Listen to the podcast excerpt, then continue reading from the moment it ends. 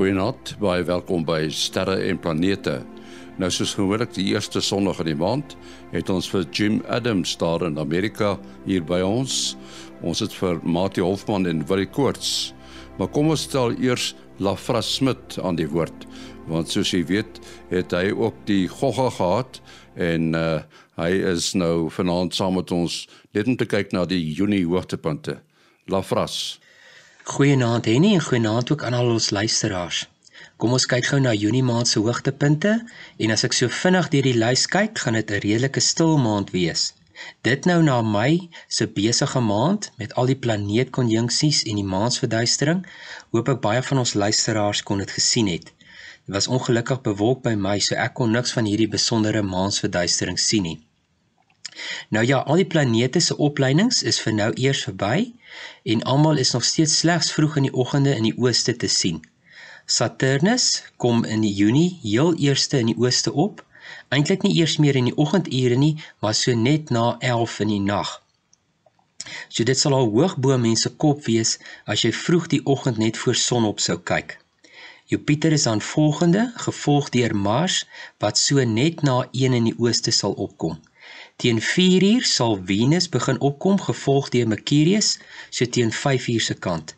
So die beste tyd om al hierdie planete te sien is so 0.5uur voor sonop waar hulle nog in 'n mooi lyn sal lê, alhoewel nie meer so naby aan mekaar soos vroeër in die jaar nie.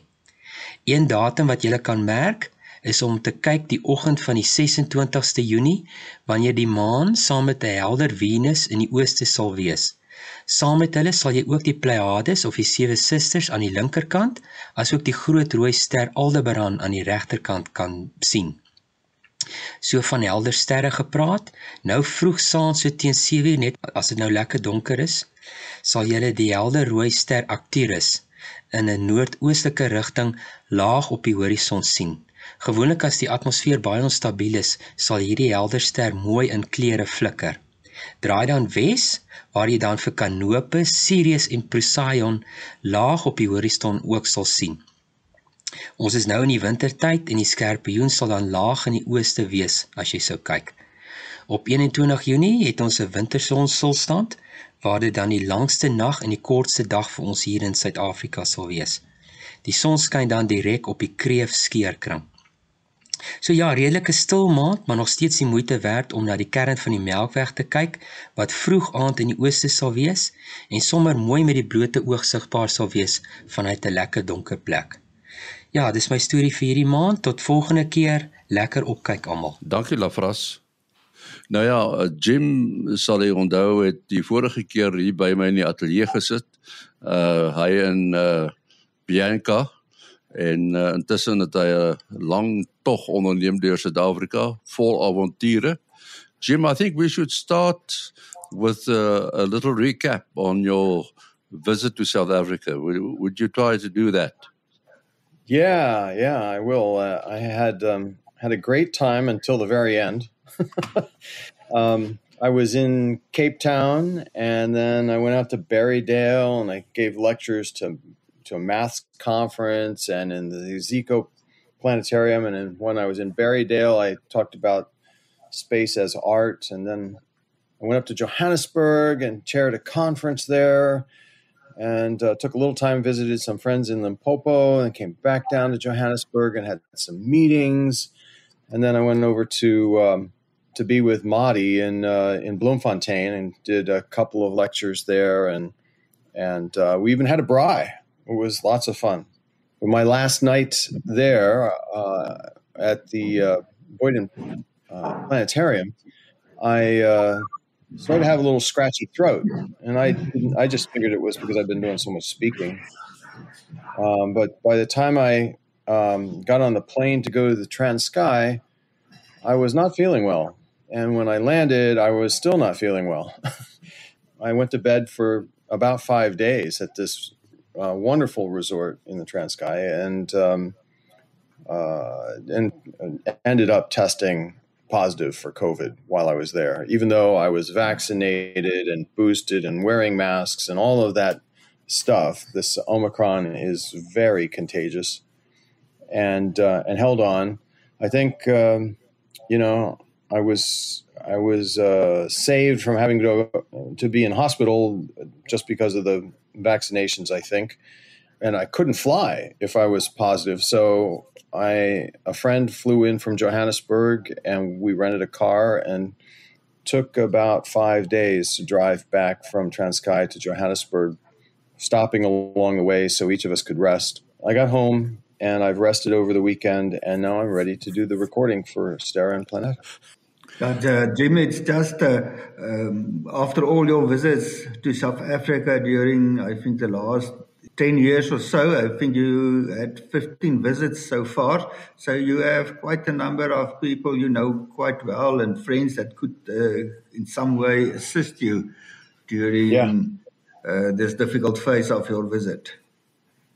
Yeah, indeed. It was uh, lots of people helped me out, and uh, and I'm very grateful for it. You know, South Africans are very hospitable folks. Not not at all like they are in the United States, you know.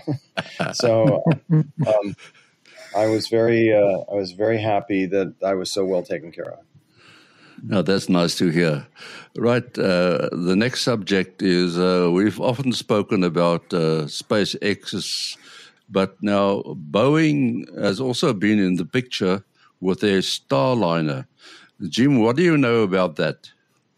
Uh, well, you know, when NASA let out the contract to SpaceX for the Crew Dragon um, to go between Kennedy Space Center and the International Space Station, they had also let out a contract to Boeing for Starliner. And the, the strategy was um, to create a little bit of market competition, have some redundancy. You know, if one company's vehicle went down, then we could maybe fly on a different vehicle.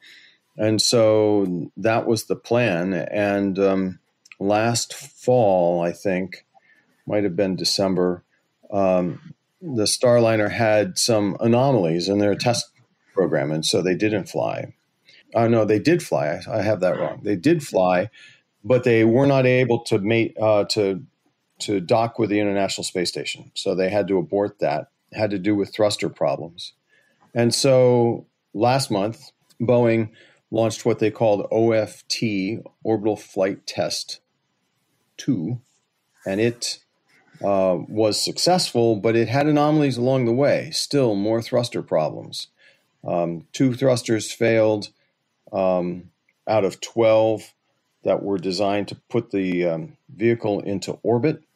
And then while they were docking to the International Space Station, two of the maneuvering thrusters failed.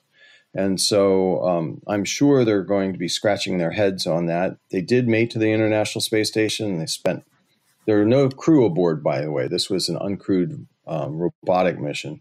And then they demated it four days later, and it made a landing in the New Mexico desert um, uh, about two hours after separating from the International Space Station. So um, it was a good first step, and it's not dissimilar, to use a double negative, uh, from the path that SpaceX followed. You know, when they started flying their Crew Dragon, they had they also had thruster problems, and so um, it's a uh, it's good to know how the mission could fail so that they can fix that in advance of putting people on board. Uh, Jim, how do you decide whether to land in a desert or in the ocean? Well, it has to do with the design. Originally, the two missions were both designed to uh, land on dry land, and um, it's a stressor on the on the design of the system to land on dry land. Um, parachutes have to be different. There's a set of airbags that uh, that cushion the final descent and and structurally it's it's a harder landing. So um, SpaceX fairly early on switched from a, um, a dry land landing to an ocean landing. Boeing did not. Boeing stayed with their dry land landing, but they have the capability of landing in the ocean as a backup if there's if something goes wrong you know, like bad weather or something. Uh, Jim, I'm uh, just uh, curious about the accuracy with which they can determine where the landing will take place. uh, because that will determine how quickly the astronauts can be picked up again. Uh, so, right. especially yeah. if the landing is on on land, uh, to what extent can they prevent them from landing on on a farm farmhouse or some oh. agricultural structure uh, or on a highway? I don't have the actual accuracy numbers. I'd um, have to look those up, but the the spot where they land is um, in New Mexico is the White Sands Test Range, and it's this enormous stretch of desert that I'm sure exceeds the size of the desert exceeds by many times the accuracy of their ability to land a system. You know, they know how they know pretty well um, from modeling and watching um, other landings um, to within several miles of where this thing is going going to come down. Um, and then the final descent, you know, they've got GPS, so they know pretty well exactly where it's going to land as they as it gets into the final descent. The things that cause the error is obviously unpredictable turbulence in the atmosphere, or maybe uh, uh, unaccounted for density differences and that sort of thing. Um, so atmospheric conditions could shift the landing site, but not more than the size of the landing area. Um, and same with the ocean as well, obviously. So, yeah. um, so they don't get too far off course. Just another question, uh, talking about the two contenders, uh, SpaceX and and then Boeing.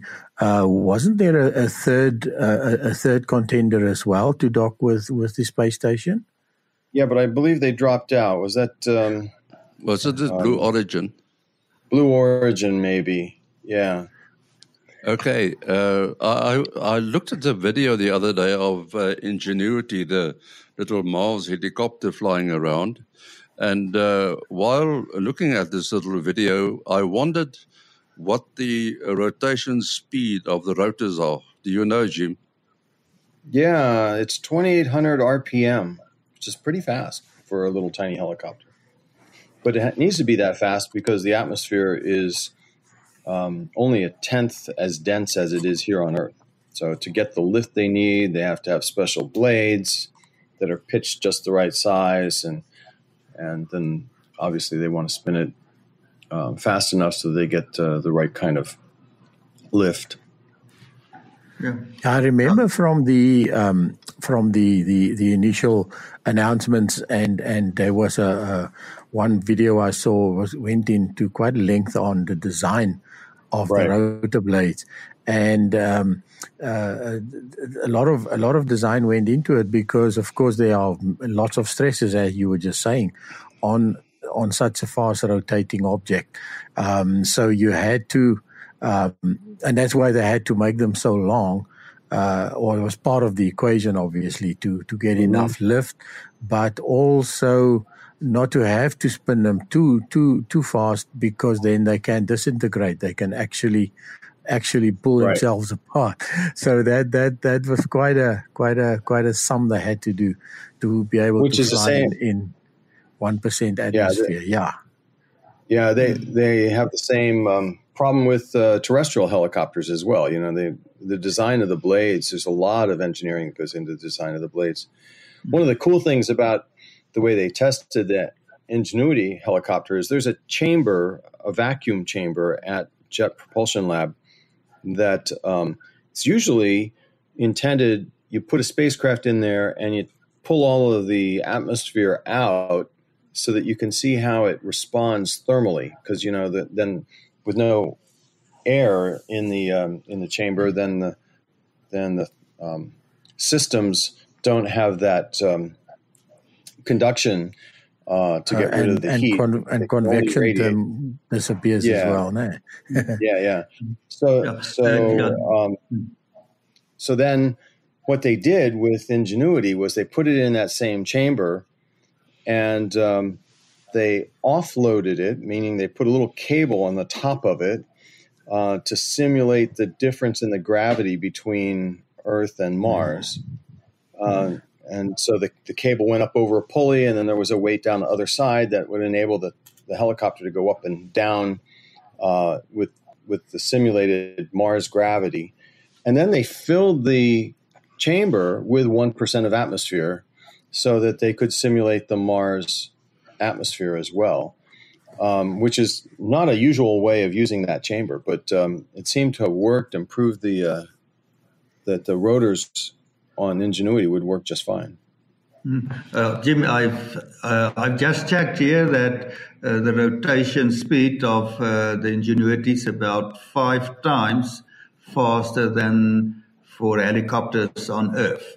So that's oh, is that right? Significant, yeah, significant yeah. Uh, factor. I'm just curious. It may not be a, f- a fair question, but if you say uh, you are given a certain length for the for the rotors, uh, say the specific design for the ingenuity, and you would change the density of the atmosphere and to uh, try to think for a given change, say a factor of, of two, by how much you would have to change the rotation speed to give you the same lift. I can think yeah. that it's probably not linear, uh, but do you have any feeling for that or any No, no, but I'm sure it would make a great exam question in a physics class. yeah, yeah, that was what I was thinking about, but uh, I'm not going to take the memo. without uh, without uh, uh, knowing the exact answer, we're going to send Dragonfly to mm. Titan, which has a mm. different okay. atmosphere, different density it's thicker than Mars, and uh, and it's going to be a quadcopter. So they have to redesign um, the blades for that mission. And of course, and it's going to be much much bigger than um, than uh, than Ingenuity. Ingenuity weighs a couple of kilograms, and and um, Dragonfly w- will weigh a ton. So it's going to be uh, you know a thousand kilograms. It's going to be um, quite different, but um, they are having to um, consider this same effect about the density of the atmosphere, the design of the blades, and that sort of thing. Uh, so it'll be a new design for those blades as well. Do you think they will be able to have an experimental space in which they will simulate that atmosphere, analogous to what they did with Ingenuity? Yeah, but they probably won't put the whole vehicle in it. They'll probably just test the blades. I suppose just a a, a recap or, an update on on on Ingenuity's flight. Uh, we haven't spoken on the program for a while. Uh, as far as I know, it is done more than it is. It is. It's already done its sort of twenty first flights, and I think it's actually even more than that.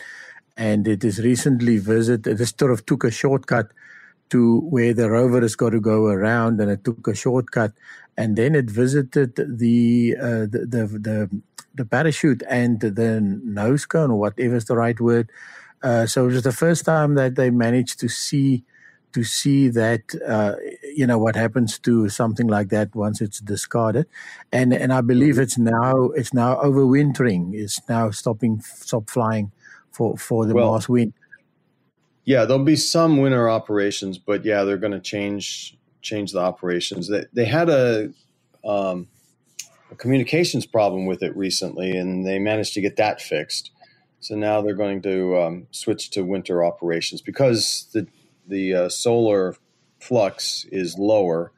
Uh, they won't be able to charge the batteries as fast, and and a lot of the power that they collect will go into trying to keep the um, the little thing warm over the wintertime. Mm-hmm. Keep it alive.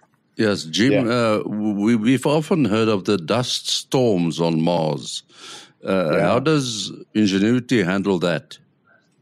Well, it uh, it's probably the most equipped because uh, one of you guys joked it was a um, it was a feather duster, right? You know, but the idea is um, that uh, if you can move air over the solar arrays, then you can um, you can get the dust off. And so I imagine they'll have some regularly scheduled um, flights for the uh, for the Ingenuity so that uh, they can keep the solar arrays clean. If you look at the pictures of the InSight lander, um, those solar arrays are just about totally opaque to, to solar radiation right now because there's so much dust on top of them and they have no way of getting it off. So that mission will ultimately stop working, um, most likely during the winter time.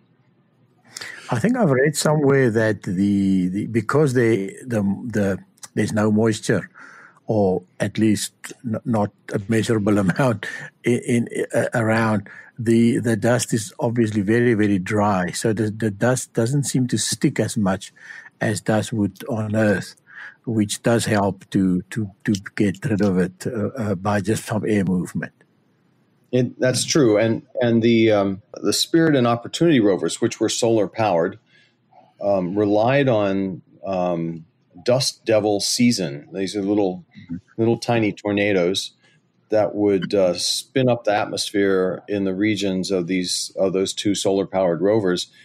Um, that's one of the reasons they were able to extend their missions for so long is that they um, they got a dusting uh, from the Mars atmosphere uh, every now and then. What happens if there's a dust storm and Ingenuity is busy flying? When it's when it stops flying, it will collect dust. But if the storm is thick enough to uh, um, block the sun, the sunlight, it will take Ingenuity some time to recharge as well. So they'd probably set it down, try and preserve as much battery charge as they can, weather the storm, and then once the sun comes out again, um, maybe take a flight to to try and dust off the solar arrays, or maybe wait, depending on how much charge they're getting from the sun, maybe wait to charge up the battery again. Uh, can they forecast uh, a dust storm? Well, they know when the dust storm seasons are, but um, our weather predictions on Mars have, you know, are just starting to become mature, and so um, the kind of thick dust storm that um, caused uh, Viking to delay its landing uh, back in the '70s, they're still not fully predictable yet. Uh, Jim, if uh, the wind or the dust uh, devil would tip uh, the ingenuity, uh, is that something that can happen? I can't think about the reason that why it can't happen. Uh, does it have the ability to to get vertical again? Yeah, so it, you know, if it gets knocked over on its side, um, I don't think that there's going to be any way to to right it. But um, but the dust devils that happen on Mars are not like the tornadoes that you see on Earth, right? It's not like you're going to be sucked up into the sky. It, it, it's much more gentle, in large part because the atmosphere isn't as dense, and we already talked about that, right? So, if you don't have the density, you you have air particles moving fast, but they're uh, it's a thin atmosphere. So, it's few of um, them, yeah would be more like a gentle breeze than a than a tornado kind of storm. Right, we have to watch the clock. Uh, Jim, uh, you're on uh, Facebook if people want to contact you. I am. I love answering questions on the um, Sterra and Planeta Facebook group. Happy to do that. En uh, julle twee se besonderhede, Mati? 0836257154. 0836257154 is 0724579208 0724579208 en dan die program se e-pos is sterreplanete@gmail.com sterreplanete@gmail.com ons is volgende week terug. Tot dan. Alles van die beste